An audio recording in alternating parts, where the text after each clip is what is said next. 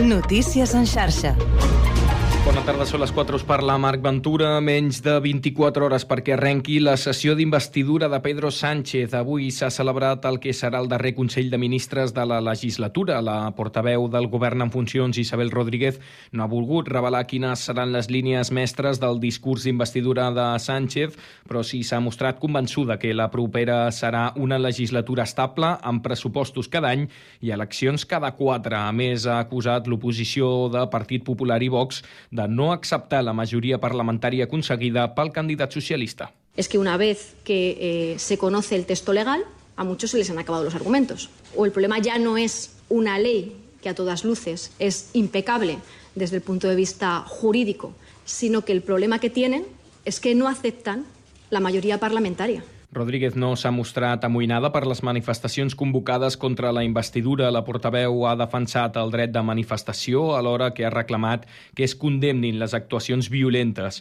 La resposta de l'ultradreta no s'ha fet esperar i la diputada de Vox a Catalunya, Maria Elisa García Fuster, ha fet una crida a la societat civil a rebel·lar-se i manifestar-se en contra dels acords d'investidura i concretament de l'amnistia. Espanya, diu, no es defensa des del sofà i ha reclamat una mobilització per permanent. Més de 1.600 policies blindaran el Congrés dels Diputats per la investidura de Sánchez aquest dimecres i dijous el dispositiu comptarà amb 600 agents més que en el ple per investir Mariano Rajoy del 2016. Des d'aquest dilluns, la Policia Nacional fa els primers passos per, eh, per tal que els concentrats no s'acostin a l'edifici i s'acumulen tanques de seguretat, agents d'informació de paisà i antiavalots. El director general de la Guàrdia Civil, Leonardo Marcos, ha decretat la suspensió cautelar durant tres mesos de sou i feina de tres agents per una falta molt greu. Es tracta d'un sergent i un agent en el, eh, que en els últims dies s'han mostrat públicament contraris a l'amnistia i han criticat el govern espanyol. A més, dos d'ells van dir que estaven disposats a vessar la seva sang per defensar el conjunt d'Espanya. I en clau local, una vintena d'entitats ecologistes exigeixen a la Confederació Hidrogràfica de l'Ebre la mobilització real de sediments de maquinança i de Riba Roja. L'Associació de Sediments, juntament amb altres col·lectius ambientalistes, asseguren que la prova pilot anunciada per l'organisme de Conca és només una operació de rentada d'imatge del govern espanyol. Això és tot. Fins aquí les notícies en xarxa. Ens escoltem en propers butlletins. Notícies en xarxa. 4 i 3 minuts. Comença el Connectats.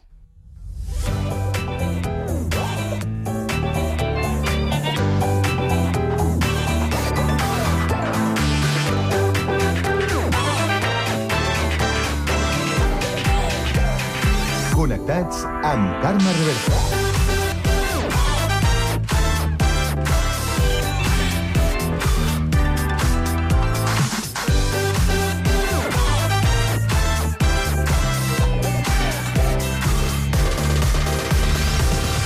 Molt bona tarda, salutacions i benvinguts un dia més al magazín de tarda de la xarxa, al Connectats de l'àrea metropolitana de Barcelona, que fem Ràdio Sant Cugat, Ràdio Sabadell, la Ràdio Municipal de Terrassa, el Prat Ràdio, Ràdio Ciutat de Badalona i Ràdio Castellà. Una salutació de tot l'equip, conduït a la part tècnica per Pablo Palenzuela i de qui us parla, Carme Reverte. Avui és dimarts 14 de novembre i volem saber quin temps ens espera aquesta tarda. Lluís Mi Pérez, Bona tarda. Avui el Mercuri ha tingut moltes ganes d'anar treballant i d'anar escalant posicions. Ha fet un port de primera categoria si parléssim del ciclisme perquè una altra vegada hem passat dels 25 graus, sobretot a les comarques del litoral, prelitoral, Girona i a gran part de Tarragona. Però és que el Pla de Lleida també hem arribat a fregar aquests 25 graus aquesta tarda. A hores d'ara encara l'ambient és francament suau. Tot i que ja doncs, vagi arribar la foscor en poca estona, el temps és molt agradable. Comencen a arribar també els primers núvols per l'Alt Pirineu. Núvols que ja demà es faran patrimoni de moltes més comarques, especialment entre Girona i Barcelona, i per ser concrets, entre el Llobregat i el Ter. Aquí aquests núvols més abundants amb algunes primeres roines, plogims, xirimiris, molt poca cosa. Demà a la tarda sí que aquests núvols aniran arribant més cap a Ponent, cap a la Catalunya central, gran part del Pirineu, i encara moltes més clarianes a les Terres de l'Ebre i al Pla de Lleida, que és on encara l'ambient serà suau. A la resta del país, la temperatura tirarà cap avall d'una forma clara. Us seguirem a la xarxa. Molt bé, doncs avui al Connectats ens interessem pel funcionament, eh, qui pot accedir i en quins casos al servei d'intermediació de deutes de l'habitatge. Entrevistarem Begoña Toro, advocada i mediadora del CIT de Castellà del Vallès. Acabarem la primera hora amb la tertúlia generalista per analitzar els compromisos del PSOE amb els diferents grups parlamentaris per a la investidura de Pedro Sánchez i l'experiència d'Amsterdam per reduir el turisme de borratxera. A partir de les 5 coneixerem el sabadellenc Pau Santes Mases, enginyer de software. Continuarem amb l'espai de salut per parlar d'alcoholisme i els seus efectes. Acabarem amb cultura, per conversar amb la cantautora sabadellenca Berta Clapés, que actuarà a la Cava Urpí. Tot això i més des d'ara fins a les 6 de la tarda a la vostra emissora local. Connectats? Comencem.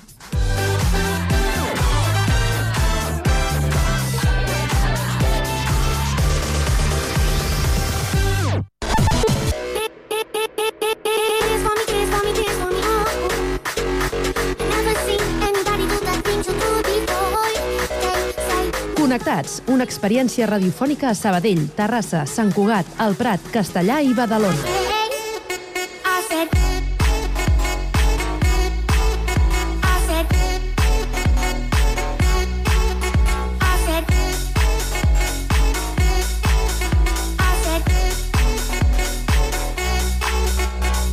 Connectats amb Carme Reverte.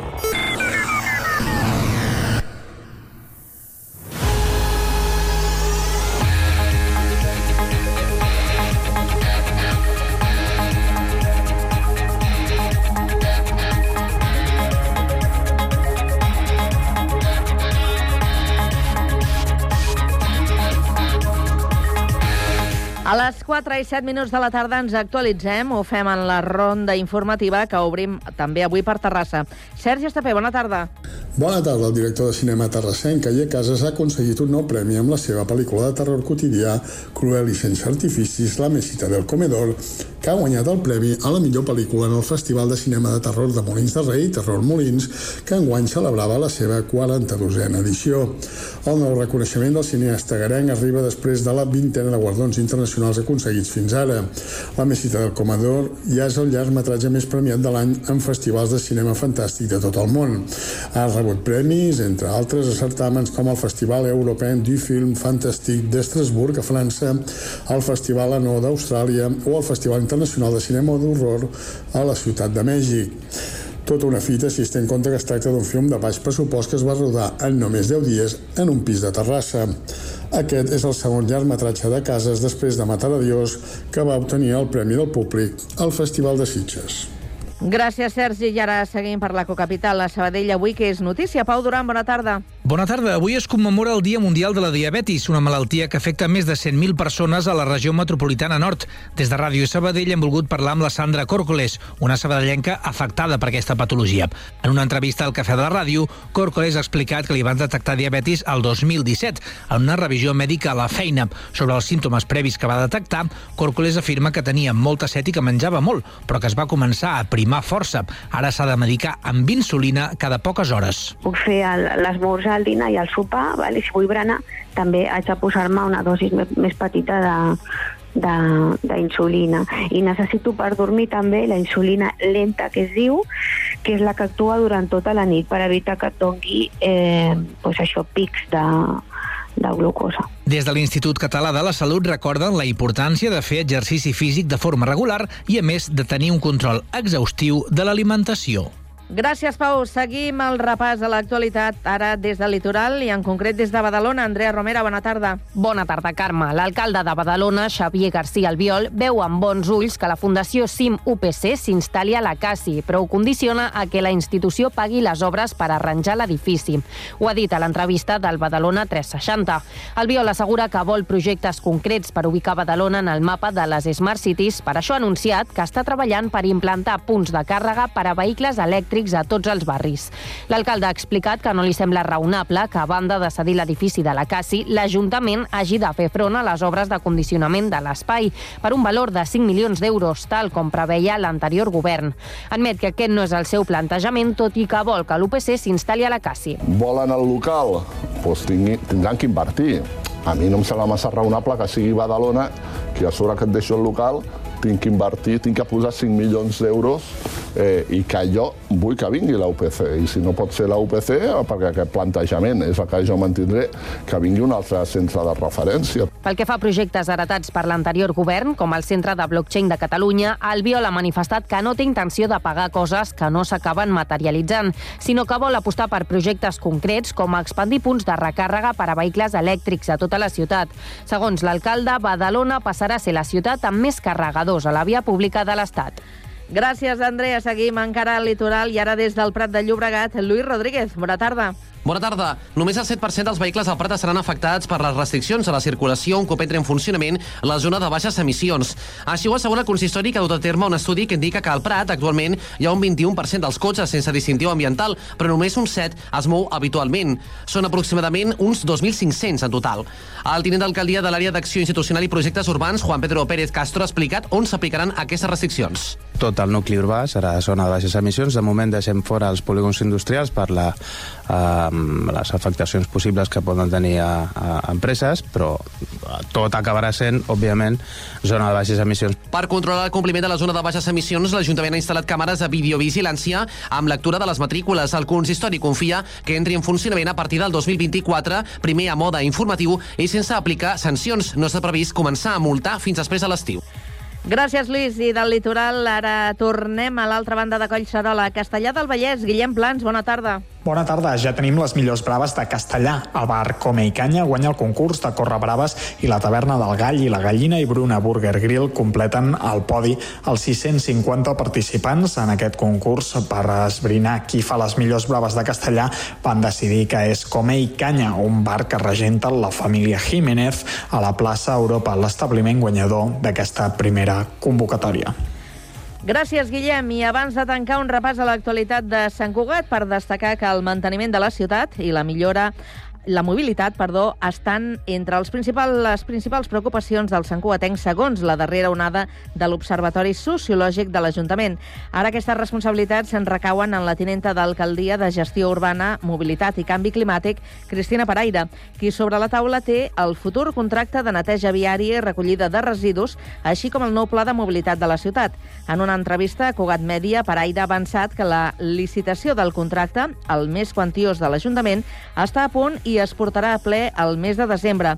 És l'inici de la tramitació per adjudicar un servei que portarà canvis com l'eliminació dels contenidors soterrats, la renovació de la maquinària i, progressivament, la implantació de contenidors que identificaran què genera cada ciutadà per aplicar-hi una taxa que fins ara no es cobra directament a Sant Cugat, però que el municipi està obligat a incorporar abans de 2025. Així ho ha detallat Cristina Paraire. La Unió Europea ens indica que s'ha d'anar cap a que cada ciutadà doncs, pagui eh, cap a una taxa que contempli eh, el que genera i com paguis pel que generes. Val? Això s'està començant. Hi ha municipis que ja ho tenen implantat. Ara amb el Camp Mallorca, per exemple, ho té implantat. I en una primera fase que s'anirà fent tot de manera progressiva. Eh? Es començarien a tancar els contenidors de rebuig i orgànica amb un sistema identificatiu que tot plegat en un context de sequera en què Paraire assegura que la ciutat està fent els deures i ja busca fórmules imaginatives per reaprofitar aquest recurs. Pel camí ha quedat la municipalització del servei d'abastiment d'aigua, que és competència de l'àrea metropolitana de Barcelona. Paraire, que suma més de 20 anys com a càrrec electe, també ha explicat en quin punt es troba el nou pla de mobilitat.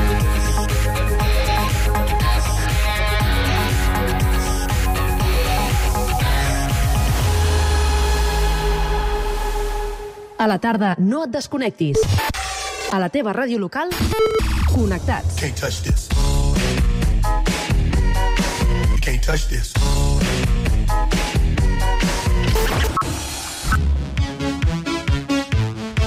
Can't touch this. Can't touch this. Connectats amb Carme Rebete.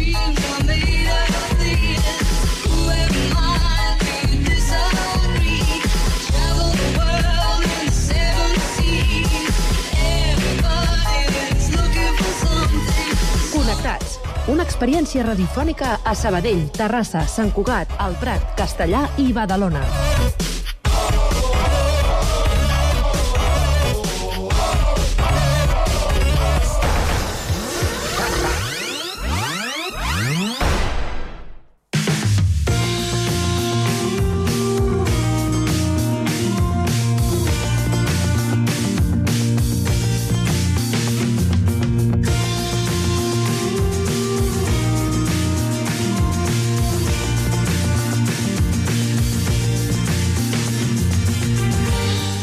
Avui al Connectats parlarem d'un servei que es dona a alguns municipis. És el Servei d'Intermediació de Deutes de l'Habitatge. Coneixerem la tasca que fan, qui hi pot accedir i per a quins casos. Per això ens acostem fins a Castellà del Vallès. Allà es troben la Begoña Toro Garcia, responsable del CIT, i eh, l'acompanya des de Ràdio Castellà, Jaume Clapés. Bona tarda. Bona tarda, Carme. Sí, ja estem aquí amb la Begoña Toro, que ella és l'encarregada del Servei d'Intermediació de Deutes de l'Habitatge. Almenys aquí a Castellà. Bona tarda, Begoña. Bona tarda. Uh, T'hem convidat perquè ens apropis una mica aquest servei i perquè el donem a conèixer, perquè a més a més uh, hi ha altres poblacions que, estan, que ens estan escoltant ara que també tenen accés a aquest servei, com és Terrassa, Sant Cugat, el Prat i Badalona. Uh -huh. Llavors, tu estàs aquí a Castellà. Sí. I et volia preguntar a quines persones va adreçat aquest servei i quines uh -huh. funcions té. Què els Mhm. oferiu a aquesta gent uh -huh. que Mhm. s'adreça a vosaltres? Sí, bueno, eh, principalment eh, nosaltres eh, donem assessorament a, a famílies que, que estan en risc de perdre el seu habitatge habitual. Llavors donem un, un ass- assessorament per la, la nostra principal funció és que no perdin aquest, aquest habitatge i, i sobretot que siguin famílies vulnerables. Hi ha un camp que no són tan famílies vulnerables, però bueno, el, el principal és famílies vulnerables i amb risc d'exclusió residencial. D'acord. I com, com us arriben al servei? Quin, quines vies fan servir o com, com, com han de fer la gent per posar-se en contacte amb aquest servei?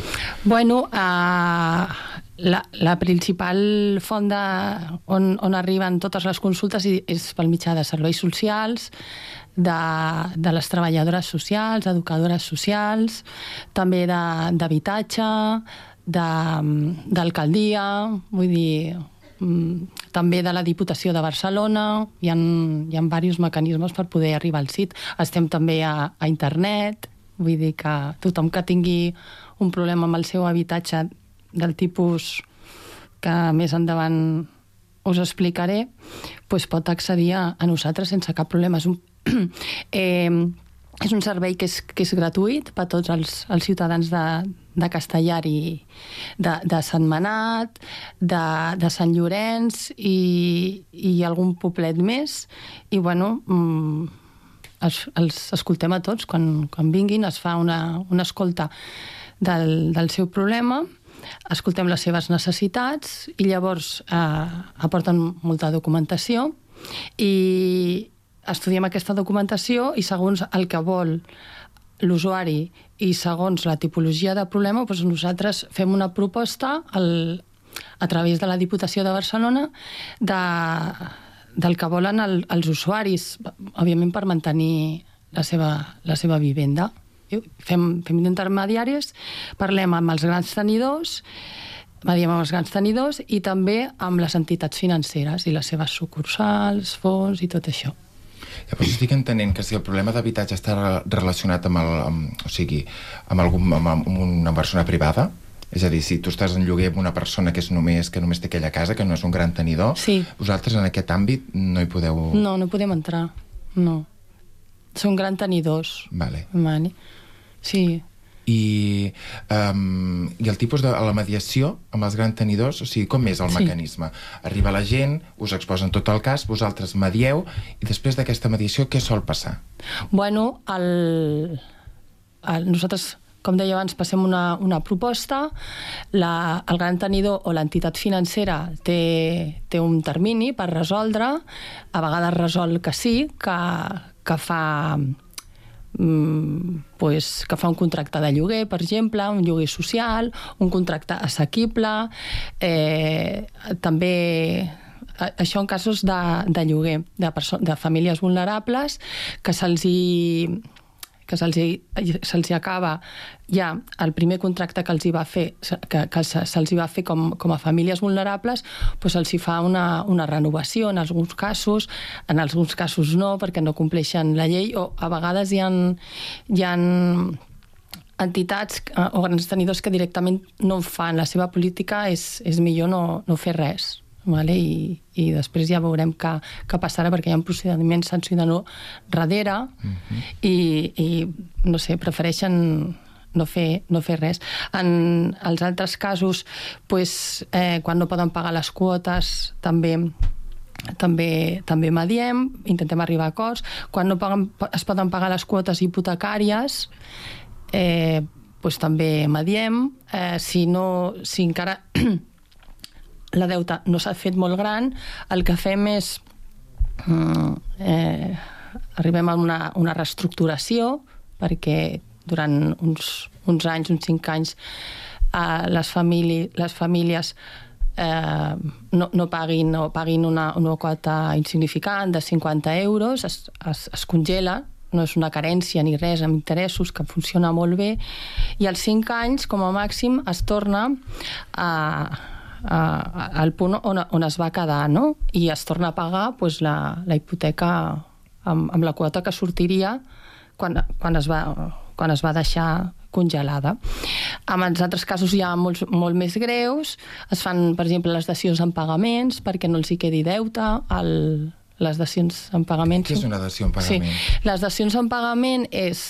Eh, aviam, quan molts, molts ciutadans van comprar l'habitatge, el, el boom immobiliari, i perquè amb preus molt alts, vale, que no s'ajustaven al preu real de, de l'habitatge i van demanar una hipoteca amb aquest preu uh -huh. tan alt. Eh, què va passar mm, arrel de, arran de la crisi del 2007-2008? Perquè a la, a la, el tema de l'habitatge ja va començar el 2007, una miqueta abans, pues es va devaluar molt el que és, el que és l'habitatge. bueno, mai... Mm, de, de tota la vida dels, dels registres així mai havia baixat el valor del, dels habitatges com va ser amb, amb la crisi del, del 2008. Llavors, eh, tu tenies un, un habitatge que no podies vendre, tenies un, un deute perquè no podies pagar, uh -huh. eh, tenies la, un deute molt gran i amb el teu habitatge amb el preu del teu habitatge no el podies vendre perquè no cobries el deute amb el banc. Llavors, arrel d'un codi de bones pràctiques que, que es va assignar a moltes entitats financeres l'any 2012, es va, es va poder arribar a dacions en pagament i en molts casos amb, amb condonació del deute restant, aquest deute de restant fins a arribar a pagar tota la, la hipoteca. I en, sí, I en altres casos, i en uns casos també que pots arribar a tenir també un, a, a banda de que et condonin aquest deute, un, un lloguer social si, sempre si la, si la família és vulnerable. També nosaltres revisem les, les clàusules abusives de, dels prestats hipotecaris per si, si els usuaris els volen impugnar. Eh, si es volen impugnar, sí. entenc que has d'anar a judici per impugnar-les o, o en mediació sí. es pot resoldre? Mm, sí, si l'entitat financera vol, sí, sí, sí. No hi ha... De fet, s'arriben a acords ara també últimament perquè, clar, els estan condemnant en costes i llavors prefereixen... Cada vegada més sí, arribar, arribar a, una, a, una, a acords. Vale, sí. Eh, després també també arran de, de la pujada del 2022 del, de l'Euribor, mm. també hi ha molt, moltes famílies, que és eh, a la línia del que he posat abans, que no són vulnerables, però que eh, arran de la, de la pujada tan exagerada de l'Euribor del 2022 estan en risc de tornar-se vulnerables i de perdre el seu habitatge. Que perquè, estan al llindar, no? Clar, perquè hi ha famílies que estaven pagant 600 euros de, de quota hipotecària i ara estan pagant 900 euros. Llavors, això també també l'estem portant al CIT i ara el, el que s'ha insta, eh, instaurat amb l'aprovació de la llei 12 barra 2023, que és la, la, la llei de la vivenda de l'estat espanyol, eh, on, on per fer, per, perquè les, els grans tenidors puguin interposar una demanda judicial per recuperar el seu habitatge, sempre han d'acreditar que, que han intentat una mediació. Ara és obligatori. Vale? Eh, i, I dintre dels procediments d'execució hipotecària, quan, també quan la vagin a posar, i també quan encara no s'hagi subestat l'habitatge. I en tots aquests casos pues, ho treballem al CIT i mirem, mirem d'arribar a un acord sempre per, per mantenir... És que, és que hi ha un, un ventanall molt, molt ampli de, de les solucions que es pot donar a cada cas. I clar, nosaltres estudiem cada cas, aviam on, on podem encaixar perquè les famílies mantinguin el seu habitatge, encara que sigui en règim de lloguer. Clar, la sensació no és que s'ha obert molt el ventall de possibilitats Sí. havies d'esgotar abans no s'arribi Sí. al desnonament. Sí, exacte. Sí. Bueno, això sí, és, és, Sí. és increïble, és meravellós. Sí, bueno, hi han hagut moltes novetats legislatives, gràcies a Déu. Si, si tornem enrere fa 11 o 12 anys, vull dir, les persones perdien el seu habitatge, es quedaven en deute, no tenien a on anar, i tot això, gràcies a Déu, mm, s'està... Mm, A través de llei, de renovacions de lleis, de. Sí, s'està intentant, bueno, i, i sí, ja. nosaltres fem eh, el, el possible per, perquè es mantinguin, vull dir. Mm. Hi ha casos que no, mm, més dels que bueno, ens agradaria que tothom pogués mantenir-lo, però bueno, eh, fem tot el, el que està al nostre abast. I per, perquè ens fem una idea, una, una imatge de quin tipus són aquestes famílies vulnerables i, Sí. i, i les que estan en risc de ser vulnerables, Sí. quin tipus de famílies són? Quins tipus de casos et trobes? Sí, sí. Bueno, pues, pues moltes famílies que tenen que, que van comprar al seu dia un habitatge car, o, a vegades també venen persones que han sigut autònomes o que, han, o que els hi anava bé o, o persones que, que, que, treballen, que treballen per una empresa, treballadors no autònoms, sinó que treballen per compte aliè, que, que van comprar una casa aquí a seva, perquè hi ha cases que estan bé, i, i que no i que no arriben a poder pagar, vull dir, llavors això que els hi ha generat, primer no poder pagar la hipoteca, després que els hi arribi una demanda d'execució hipotecària, eh, i, i tot això mm, al final eh, es va complicant molt, no, no, poden, no poden pagar, però el que fem eh, és mm, estudiar el, el mecanisme, el que deia abans, estudiar un mecanisme perquè, perquè estigui... Però principalment són persones que al seu dia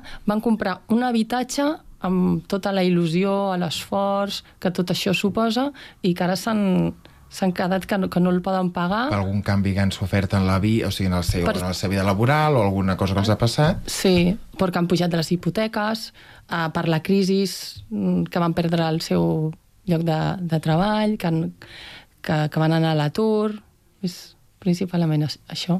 Sí, sí, que són coses que ens podria passar vull dir, a qualsevol, a qualsevol persona. Sí, bueno, a, bueno mm, a, els, els usuaris que, que venen a, a l'Ajuntament són de molts tipus, vull dir, persones que han sigut vulnerables des de sempre, hi ha nosaltres que no, que no les han sigut mai i, i ho van ser arrel de, arran d'aquesta crisi del 2008. Ara, una altra vegada ens trobem amb execucions hipotecàries, també han, han pujat una, una mica, i és així. I, i en algun, en, vas llegir un article en el que deies que a vegades és massa tard, que Sí. ve la gent que ja és massa tard. Sí. En, quin, en quin punt aconsellaries a la gent posar-se en contacte amb el CID Sí. i venir, venir a, a, fer, a fer la primera consulta? Bueno, de seguida que la primera, segona quota no puguin pagar la quota o bé, o bé la renda, la renda del, del lloguer. Perquè què passa? Quan és massa, I quan seria massa tard? Dius, ara aquí ja nosaltres ja no tenim marge d'actuació. Bueno, eh, és que eh, a vegades eh, als usuaris els hi arriba una, una demanda d'execució hipotecària i no, no la van a recollir, no fan res, no es personen al jutjat, no miren d'arribar a un acord amb el banc o, o ells, ells personalment han anat una vegada, però no és el mateix que el banc eh, que vagi una persona privada que que vagi... Que, Acompanyat d'un mediador, un advocat... Sí, i, i a través de la Diputació de, de, Clar. de Barcelona d'Ofideuta, que ja, ja estan estra, establerts els, les, les persones referents de, de les, dels grans tenidors i, i és molt més senzill, i ja hi ha convenis i de més. És Sí, molt... sí. Jo m'imagino que si em passés a mi i hagués de tractar jo personalment amb, saps, Sí. judi, i amb un llenguatge que més no domines, amb unes condicions que et són alienes, Sí. doncs molt millor anar acompanyat d'algú que t'ofereix aquest servei. Sí, sí, sí. no? sí. Tenia una altra consulta. Per exemple, a Sabadell he vist que no hi ha el servei. No, Però que és una ciutat molt gran. Però, per exemple, els usuaris de Sabadell poden anar a algun sit de, de les Rodalies? CIT no, no. Vale. És, és, és un altre, un altre servei, Val, però el CIT no. vale, vale, vale. A Sabadell no hi és. D'acord. Uh, doncs moltes gràcies. per haver vingut, per haver-nos atès. A vosaltres. Ja per acabar, demano, no sé, jo sóc molt fan de les sèries, de la ficció i de les pel·lícules, i trobo que és una bona manera d'acostar-se a temes espinosos o temes que ens són aliens, com per a mi tot el tema dels advocats, dels judicis, dels Sí. problemes judicials. No he hagut d'anar mai a cap judici, per sort. Millor, sí. I no sé si ens podria recomanar alguna pel·lícula o alguna sèrie per apropar-nos que tu creguis que reflexa d'una manera que te reflexa de manera verdadera el que Mhm. seria el món judicial. Bueno, uh, hi ha una que, més que el, que el món judicial, que també, eh, el, món, el món de la, de la mediació. Vale. És, és una pel·lícula que és, que és libanesa i que es diu L'Insulto. Val? I, I és de, de, de com, es, com totes les persones eh, podem arribar a ser mediadores. Vull dir, i un problema que, que, que poden tenir, no sé, uns veïns per un tema d'unes canonades, la, la dimensió que agafa tan gran fi, fins a arribar als estaments governamentals. I llavors com, es veu com se soluciona, que tots tenim la nostra part de mediadors i és, i és, mm, és molt interessant i a part que veus la branca judicial i l'alternativa de la mediació. Molt bé, doncs moltes gràcies per, aquest, per aquesta recomanació, que la podem trobar a Filmin. Sí. Els diem a tots els oients que si volen un bon exemple de mediació vegin de l'insulto i, i t'acomiadem. Moltes gràcies per passar Molt- pel Connectats. Moltes gràcies a vosaltres.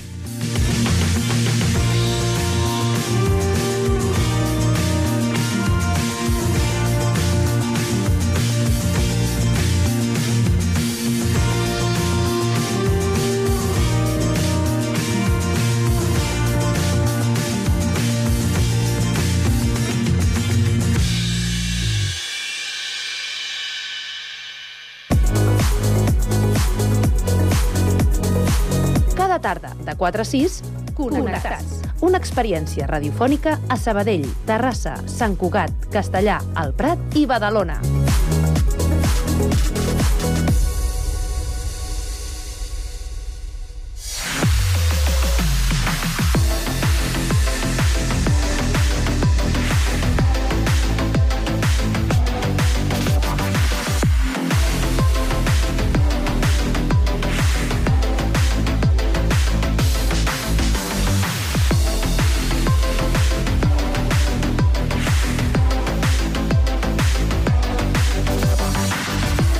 Passen dos minuts de dos quarts de cinc de la tarda i ara entrem en el terreny de l'opinió. La tertúlia, tres bandes. Avui la compartim amb el Toni Fernández, que és tècnic de gestió cooperativa i empreses d'economia social.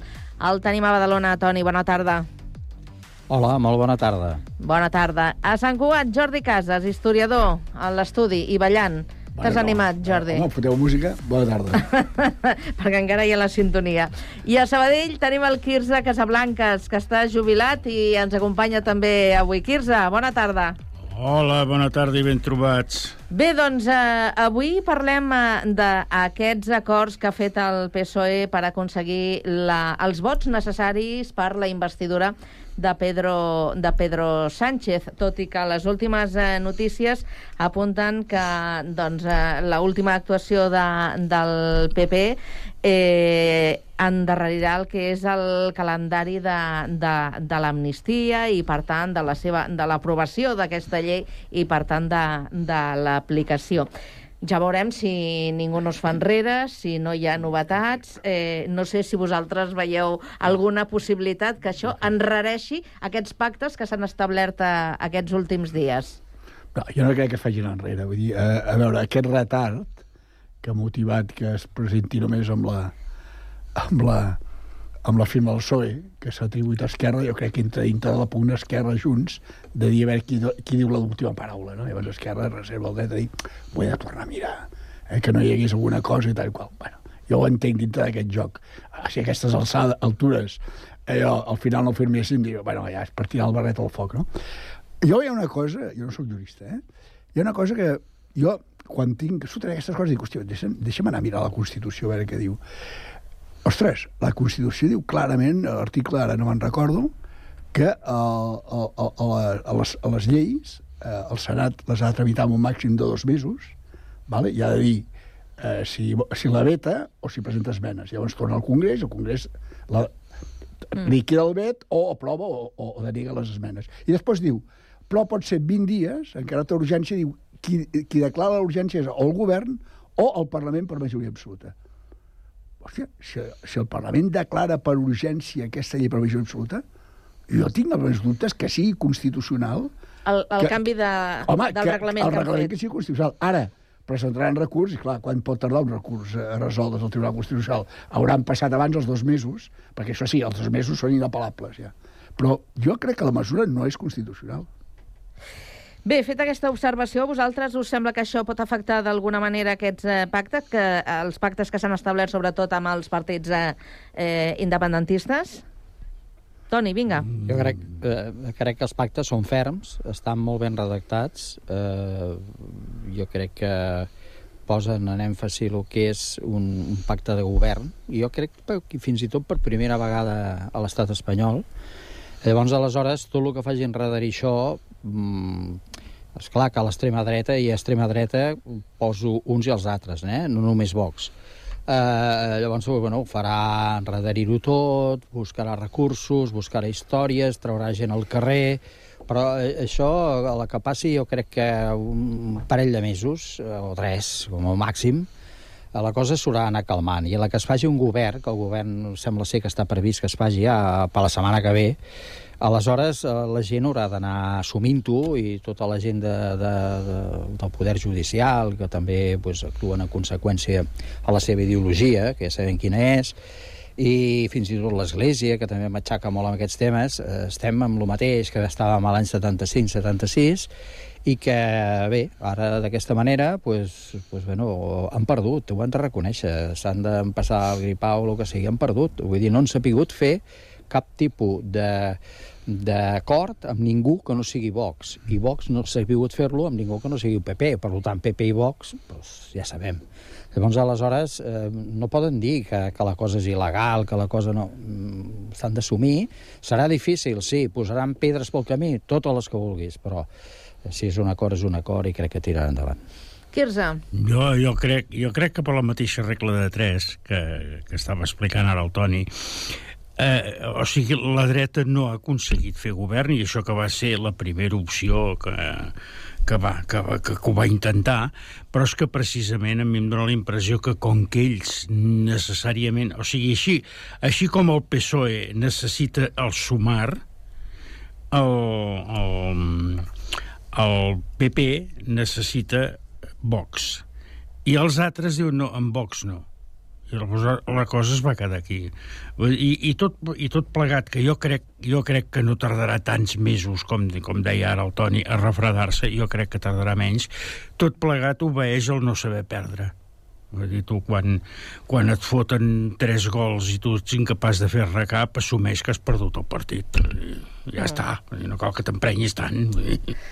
I això és el que els hi passa, tenen, tenen la rabieta de que, de, que, de que han perdut. Han perdut perquè, oh no, és que han guanyat. No, no, perdona, si han guanyat, que governin. No governen per què? Pues perquè han perdut, perquè no tenen suports, i ja està. És, a veure, uh, hòstia, ara se m'ha uh, he perdut el fil. Uh, no, dic, això, ah, sí, dic que l'amnistia, la batalla contra l'amnistia és una excusa. El que volen és rebentar la legislatura, aquesta gent. El que volen és rebentar-la. Els agradaria que no es constituís aquest govern. És a dir, hi han declaracions d'alts dirigents, altíssims dirigents del PP, que a qualsevol altre país els seus votants es fotrien vermells.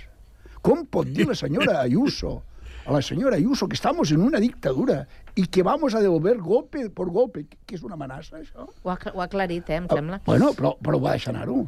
Sí, I sí. a, a l'altre que hay que, hay que echar a, a, a, a, a al Sánchez dentro de un maletero. Un vicesecretari del PP. Uh, el, el, el propi uh, uh, Núñez Feijó dient que esta... No, la Cuca Gamarra aquesta que cada cop que parla s'apuja el preu del pa, aquesta tia dient que és fraudulento el govern i tal. I els senyors de Vox presentant un recurs davant del Tribunal Suprem perquè anul·li la investidura del Sánchez. Però que estem bojos o què? Això no s'havia produït mai en aquest país. És una, és una bogeria absoluta. És, un, és com diuen, és que la dreta d'aquest país té un mal perdre. Mai ha sabut perdre Mm. i, no, i no assumeix que està en minoria. Pues, oiga, pues passa l'oposició, com tants anys ha estat a l'esquerra l'oposició, que vol que li digui. Bé, doncs... eh, És que, és que estaven acostumats que amb dictadura no perdien. Això és veritat. És que llavors era un altre partit aquest, eh? Sí, sí, Eh, però, Exacte. Quirze- però eren les dretes. Era un partit eh, sense àrbitre. uh, si ens centrem en els acords, eh, a veure, eh, realment és una situació històrica perquè, mm, a veure, no s'ha vist mai un, un, un acord tan ampli amb tantes forces eh, diferents a, al Parlament eh, espanyol. Eh, això suposa que eh, el nou equip de, de govern tindrà deures, però una bona carpeta. Eh, clar, eh, jo no sé si un cop eh, ja decidida aquesta investidura en ferm amb el govern, eh, mm, això serà factible d'assolir?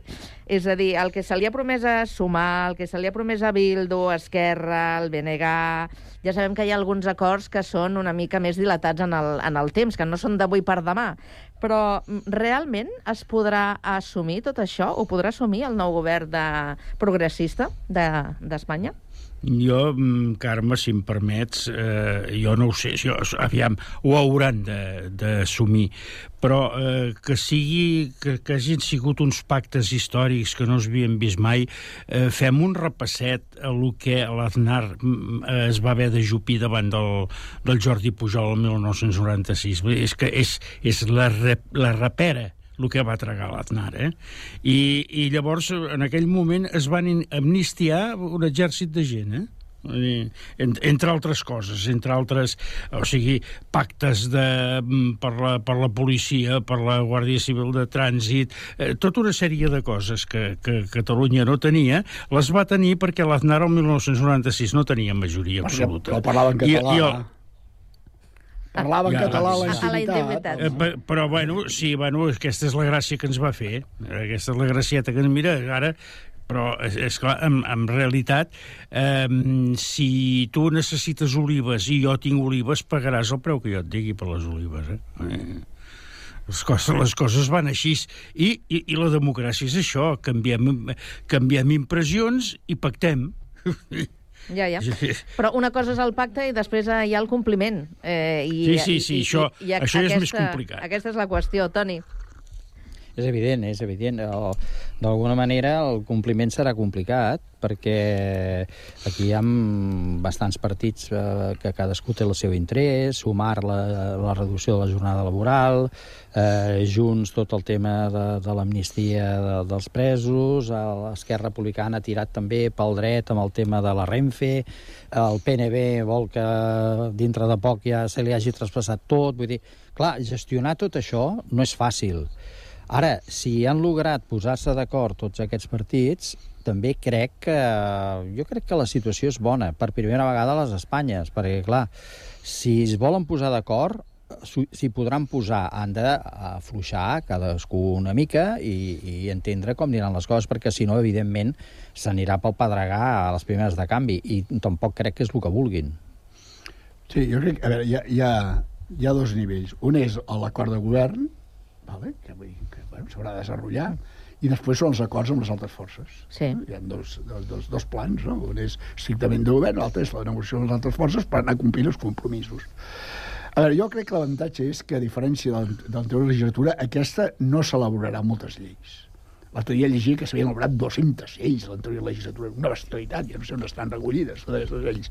Jo crec que no serà una legislatura de moltes lleis, sinó de gestionar i de complir els acords, no? de traspassos de competències, etc etc. Això vol dir molta negociació, molta, molta. Ara, és cert que la- la- l'alternativa fa por, per tant, ja, ja s'espavilaran eh, eh, i, i també les bestialitats que es diuen els altres també cohesionen a l'altra part, no? Diu, hòstia, si l'altra... Imagina't tu a Catalunya, si hi tingués un govern PP, PP i Vox, és que, bueno, és clar, és que el Puigdemont no tornava a Catalunya en 150 anys. No, per tant, l'altre dia fa molta por, això cohesiona. I després hi ha un altre tema, que jo m'agrada insistir, que és que aquesta majoria que s'ha format, amb tota la seva complexitat, les seves contradiccions i dificultats, és una representació més real de la pluralitat i la complexitat de les Espanyes, que deia, no? Molt més que una majoria Vox-PP, on vas a parar. Per tant, tu ja has portat una síntesi parlamentària d'aquesta complexitat al Parlament. Ara la tens allà, doncs ara negocieu, arribeu a un acord i feu que aquesta complexitat es transformi en activitat parlamentària i de govern, no? Bueno, jo, jo estic esperançat, a la vegada que una mica collonit, també, eh? Perquè la pressió serà brutal, eh? Serà brutal, eh? Home, ara que parles de pressió, eh, penseu que demà comença el debat de... Demà di- comença, sí. Debat, debat d'investidura, eh, dijous serà la, la votació, eh, i, i la pressió que s'està exercint al, al carrer eh, s'espera que també es pugui exercir eh, demà i demà passat al, al Congrés. Al carrer les institucions, que no s'havia vist mai, eh?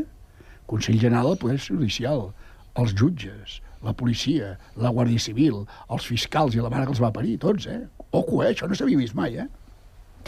Eh... Sí, però és que, de totes formes, aquestes institucions, fixa't en un detall, estan eh, intentant, intentant influir mm, esquivant, esquivant la, la, la bona manera de fer, o sigui, esquivant les lleis al fi i al cap, perquè tot el que el, el, el Sánchez portarà demà al, al Parlament, per, per ser investit, és, tot és legal, eh? No, Absoluta- no sé com ho volen Abs- desmuntar, absolutament, això. absolutament.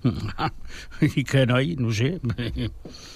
De, de fet, eh, a- aquests acords que insistíem en que són acords per a la investidura de, de Pedro Sánchez, eh, el, el que han deixat molt clar també els diferents partits és que si no es compleixen els acords, eh, la legislatura no arribarà al final. Vull dir que a, aquí hi ha d'haver aquest esforç que tu apuntaves, eh, Jordi, a l'hora de, de negociar, no?, perquè tot arribi a, a bon port.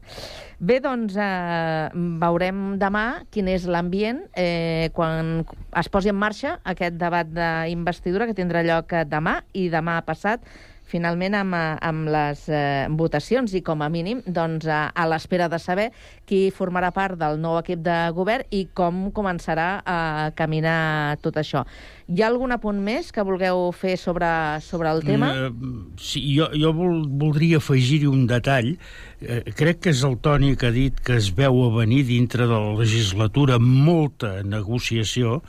Eh, sí, jo ho veig així, però no negociació de- d'hemicicle, eh? Eh, Negociació, de, perdó, negociació de despatxos és el que veig. Sí, de passillo, sí, sí, sí. De pas, o de passillo, sí.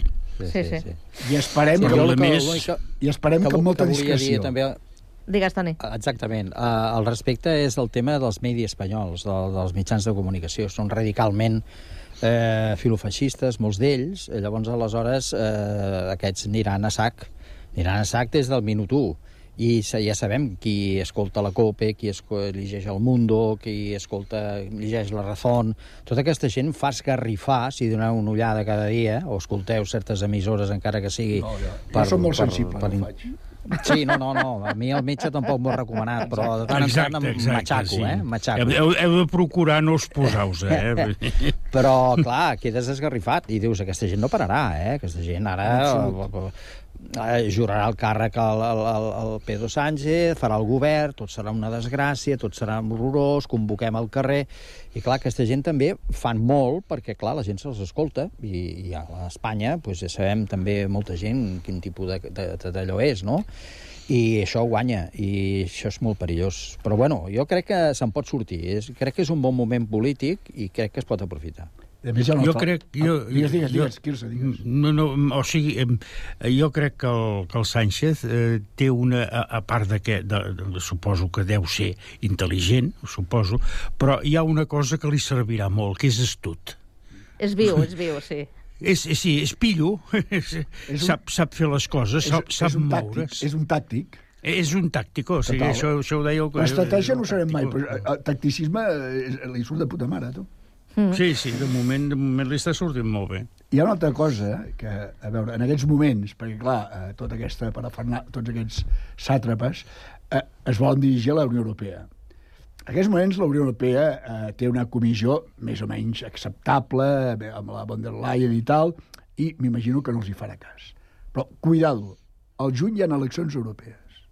Si a les eleccions europees es configura un Parlament a majoria de dreta i ultradreta, que hi ha, els, hi ha, hi ha un sector dels alemanys que estan treballant, hi ha una comissió eh, europea molt conservadora, cuidado, eh, que aquest paraigües que tenim ara europeu es pot foradar, eh, es pot trencar. Eh? Vull dir que... Bé, doncs no, no cridem Mm. el mal temps. No, no, Tot no, i que exacte, no. cal que plogui, perquè ja sabem que eh, el tema de la sequera també ja l'hem tractat mm, sovint en aquesta tertúlia. També és un jo, tema que... Ja, jo ja només bec whisky. Només. Sí, jo ja... Et, tro et trobo que no, vens bastant No, per aigua. per això. Per estalviar aigua. Jo ho he fet de mica Ja en mica. bé, de ja. moment he agafat la cervesa, saps? Clar, no, tot, no tens que començar. Tot és començar. Eh, escolta, que demà és el dia, el, el dia mundial contra l'alcoholisme. Ah, sí? Ah, Sí. doncs demà no ho veuré.